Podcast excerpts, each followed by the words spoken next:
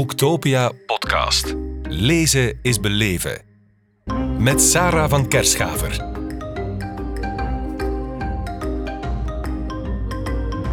Riet Ori, welkom in onze podcast op Boektopia in Kortrijk. Je schreef samen met Eva Brumagne het boek over uh, ja, opruimen, mag ik het zo noemen? Zeggen? Nee, nee, nee, nee, nee, echt je huishouden bestieren. En hoe doe je dat goed? Het is hier geen hotel, heet het. Ja, een zin die denk ik heel veel mensen al hebben uitgesproken. Hoe zorg je ervoor dat je huis geen hotel wordt? Inderdaad, ja. Het is niet zozeer hoe dat jij het huishouden bestuurt, maar hoe je er meer een gedeeld project van kan maken. Ja. Ja, het is inderdaad gedeelde verantwoordelijkheid, zo zeggen jullie het in het boek. Ja. Dat klinkt uh, alsof dat je toch een paar mensen in huis op een paar uh, verantwoordelijkheden moet wijzen. Hoe doe je dat goed? Ja, Um, het is een boek dat geschreven is voor iedereen die wil werk maken thuis van gedeeld eigenaarschap. En we vermoeden dat het doelpubliek vooral vrouwelijk zal zijn, mm -hmm. omdat het vooral vrouwen zijn die aan het kortste eind trekken en dus veel meer zorg en denkwerk en organiseerwerk en uitvoerwerk doen. Ja. Um, dus hoe doe je dat? Um, je doet dat, je zou kunnen zeggen, oh, met een paar handige tips en tricks geraken we al ergens. Maar ik denk dat de kracht van het boek er vooral in zit dat we vertrekken vanuit wat in onze hoofden zit, tussen onze oren. En we hebben heel wat belemmerende overtuigingen die dat gedeeld eigenaarschap in de weg staan. Mhm. En die overtuigingen zijn vooral ook maatschappelijk gekleurd. Die komen eigenlijk van stereotypen bijvoorbeeld, of vanuit een hoge druk om het perfecte gezin te willen zijn, of de perfecte moeder te willen zijn of vanuit een beperkte blik op onze kinderen en wat zij zouden kunnen in het huishouden. Dus in die zin, hoe doe je dat? Uh, eerst en vooral door echt wel stil te staan bij wat je zelf allemaal denkt en hoe je over de dingen kijkt en hoe dat die overtuigingen misschien wel jouzelf in de weg staan om een moeilijk gesprek aan te gaan thuis of om dingen los te laten of om verdorie die kinderen te engageren in het huishouden. Uh, dus in die zin starten we eigenlijk vanuit het spiegelen van je eigen gedachten en ideeën over huishouden en hoe het werk thuis op te nemen. En pas in tweede instantie um, gaan we echt heel concrete handvatten aanbieden. Dus het is wel echt een heel praktisch boek, maar het is ook echt wel een spiegel voor degene die het leest en vooral ook een spiegel voor de samenleving. Ja, want ja, je moet niet flauw voor doen als we kijken in tijdschriften. Het is er overal netjes opgeruimd, zelfs als er vijf kinderen rondlopen. Uh, dus wat is een, een goed huishouden? Ja. Um, wij spreken eigenlijk niet over wat een goed huishouden is of niet. Uh, bij ons gaat het er vooral over wie dat werk opneemt, omdat daar een heel grote ongelijkheid in zit. En een goed huishouden, als je het dan toch zo wil noemen, of laten we zeggen een goed gedeeld project van huishouden, is eerst en vooral dat je heel duidelijk uh, zichtbaar maakt wat er allemaal onzichtbaar is in het huishouden. Uh, we noemen dat de mental load, het vele denkwerk, de emotionele arbeid ook die daarachter zit en die vaak door vrouwen wordt opgenomen, dat die zichtbaar wordt en dat die erkend wordt. Um, dat is één zaak. En een tweede zaak is dat ja, een goed huishouden, zoals je het dan zou benoemen, is niet hoe goed je ramen gekuist zijn, in tegendeel. Maar vooral dat je het gevoel hebt dat dat billig verdeeld is. Hm. En billig wil niet noodzakelijk volledig gelijk verdeeld, maar toch wel dat je het gevoel hebt dat al het werk dat je doet, zichtbaar en onzichtbaar, dat dat hm. erkend wordt. En dat anderen ook domeinen voor zichzelf opnemen, zodat je niet alleen aan het stuur zit ervan. Hm. En ik denk dat de meerwaarde van het boek is dat we um, het toch wel de grote uitdaging of het probleem van ongelijke taakverdeling thuis, dat we dat heel goed analyseren. En we gaan ook terug naar onderzoeken en zo verder, waaruit blijkt dat vrouwen gemiddeld 9,5 uur per week meer zorg en huishouden opnemen dan mannen bijvoorbeeld. Of ook dat het echt wel slecht gesteld is met eigenaarschap van kinderen in het huishouden. In Vlaanderen zijn er weinig onderzoek, maar het onderzoek dat er is, blijkt dat jongeren heel weinig zaken opnemen en dat daar ook nog eens een groot verschil is tussen jongens en meisjes. Dus we starten echt wel van een maatschappelijke analyse waaruit blijkt dat al dat werk dat zo noodzakelijk is en zo essentieel is in ons leven, dat dat zo onzichtbaar is voor een aantal huisgenoten, maar ook op maatschappelijk niveau. En ongezien is onbemind of niet erkend en dus ook erg ondergewaardeerd. En daarnaast die ongelijke verdeling waar we het net over hadden. Dus een goed huishouden geeft dan vooral als antwoord ja, dat, dat iedereen die onder het huis woont, ben je nu een alleenstaande ouder of ben je in een co-housing project als twintiger, dat je eigenlijk iedereen die daar leeft zijn bijdrage doet naar, naar zijn kunnen of naar behoren. Ja. Mhm. Ja. ja. want jullie hebben ook wel aandacht voor, toch ook wel een grote groep vrouwen of ja, moeders die er alleen voor staan. Hè? Mhm. Dat dat toch geen evidente realiteit is. Hoe steken jullie hen een hart onder de riem? Ja, ehm, wel, ik denk een hart onder de riem uh, is voor ons niet voldoende. In die zin dat een hart onder de riem, dat geef je door erkenning te geven. Mhm. En erkenning te geven doe je ook wel door het maatschappelijk te kaderen. Want een eenouder, uh, een alleenstaande ouder, heeft echt wel heel specifieke uitdagingen die er niet zijn voor, voor twee uh, volwassenen die een huis bestieren of een huishouden bestieren. Dus we, geven, we steken een hart onder de riem door die erkenning te geven en ook de kadering daarbij, ook om aan te tonen dat zij niet alleen zijn.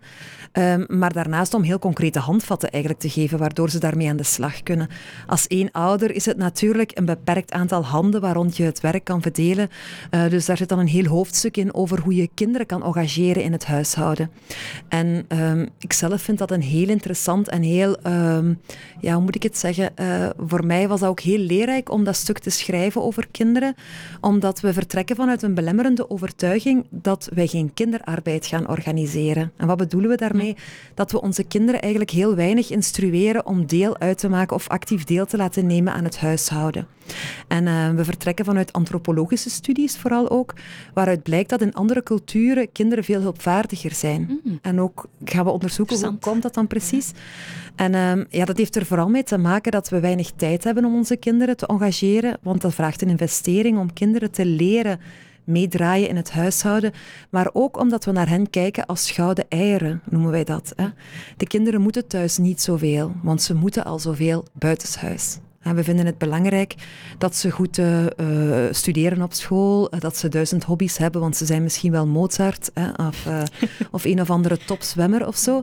Maar ik hoor eigenlijk nooit ouders met fierheid zeggen dat hun zoon van tien kan stofzuigen of een maaltijd kan maken. Dus dat is eigenlijk de derde verklaring naast het gebrek aan tijd en ook wel dat we onze kinderen thuis veel ontzien. Daarmee gepaard gaat ook eigenlijk de, het weinige maatschappelijke waardering dat we hebben voor onbetaald werk en zorg. Mhm. En wat gebeurt er dan? dan? Dan voeden we onze kinderen op om te presteren buiten huis, maar ze zijn niet zelfredzaam. Dus we kunnen ons toch de vraag stellen, wat is het doel van opvoeden? En zo willen we proberen ook de geesten te openen om, hun kinderen, om je kinderen meer te zien als, of je taak als opvoeder, om je kind op te voeden tot zelfredzame individuen. Mhm. En dat doe je door hen te leren hoe ze kunnen koken, hoe ze voor zichzelf kunnen zorgen in het dagdagelijkse.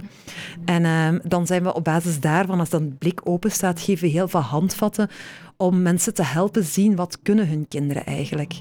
Dus we hebben bijvoorbeeld een tabel opgenomen wat kinderen van twee en drie jaar kunnen. Want kinderen willen eigenlijk vanaf 18 maanden helpen in het huishouden, blijkt uit onderzoek. ja.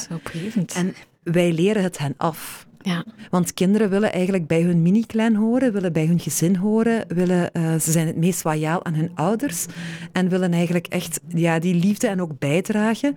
En omdat we geen tijd hebben of hen niet zien als potentiële actoren in het huishouden, leren we hen eigenlijk hun hulpvaardigheid af. Mm. Door te zeggen, ik heb nu geen tijd, ga jij maar in je speelgoedkeukentje speelgoedspaghetti maken met je plastic mesje, dan kan ik het echte werk doen. En eigenlijk gaat dat in tegen die intrinsieke motivatie van kinderen om deel uit te maken van het echte leven en deel uit te maken van ja, de groep van mensen waar ze eigenlijk het meest van houden.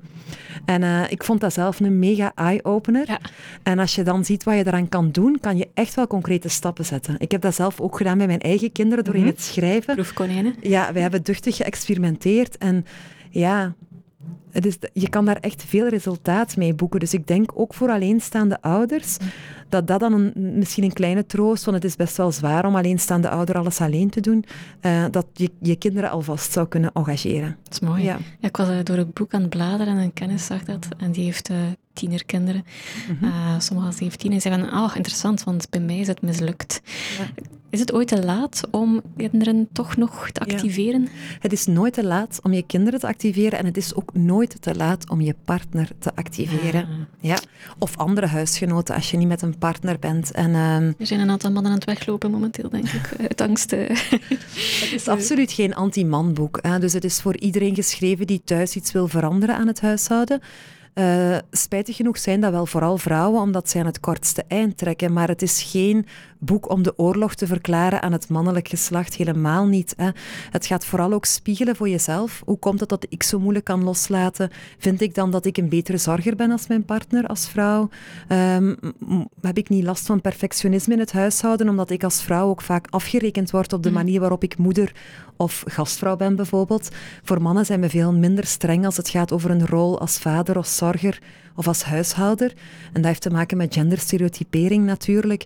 Dus in die zin spiegelen we ook vrouwen. Hè? Zichzelf van ja, welke innerlijke saboteurs heb ik of ideeën die in de weg staan om stappen te zetten en ook het moeilijke gesprek aan te gaan over taakverdeling thuis. Ja, het is belangrijk, want een topvrouw zei ooit, uh, als je echt een carrière wil, ja, vergeet het als je man niet mee wilt, uh, bijvoorbeeld als het gaat over kinderen. Je hebt iemand naast je nodig die je steunt, anders mag je het vergeten. Ik denk dat dat de grote waarom van het boek is. En dat is eigenlijk, ik denk dat uh, er is een enorme emancipatiebeweging geweest waarin vrouwen stappen vooruit zetten in heel wat publieke domeinen, zoals onderwijs. En vrouwen studeren verder, gaan werken en zo verder. Dus zij zetten enorme stappen in publieke domeinen, maar de andere kant is niet gevolgd. En dat wil zeggen dat mannen verhoudingsgewijs veel minder um, zijn engagement, even, zij zijn verhoudingsgewijs veel minder in die privéomgeving actief geworden, waardoor vrouwen soms emancipatie ook wel zien als een vergiftigd geschenk. Mhm. Want hen wacht nu een dubbele shift.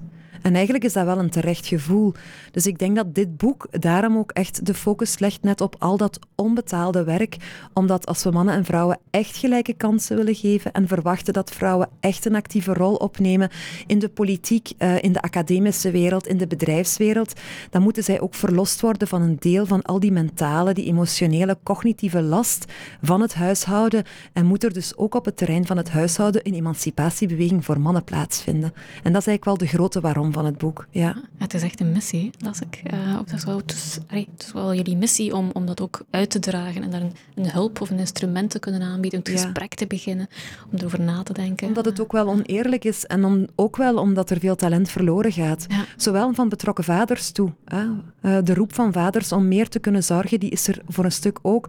Maar vooral toch wel de roep ook van vrouwen die, die het gevoel hebben soms de pineuten zijn van, van een, een, een mooie weg die ze al afgelegd hebben. Dus wij noemen dat de incomplete revolutie. In die zin dat dat stuk nog moet gedaan worden. Zie je? En uh, in die zin is het misschien, noem het een missie, maar noem het dan een veranderboek op individueel niveau, maar zeker ook op maatschappelijk niveau. Absoluut. Ja, We weten wat, uh, wat te doen. Heel veel dank, Ritori, om hier te komen praten over Het is hier geen hotel. Graag gedaan. Boektopia podcast. Lezen is beleven. Beluister ook de andere podcasts live opgenomen op Boektopia 2022. Nu via je favoriete podcast-app.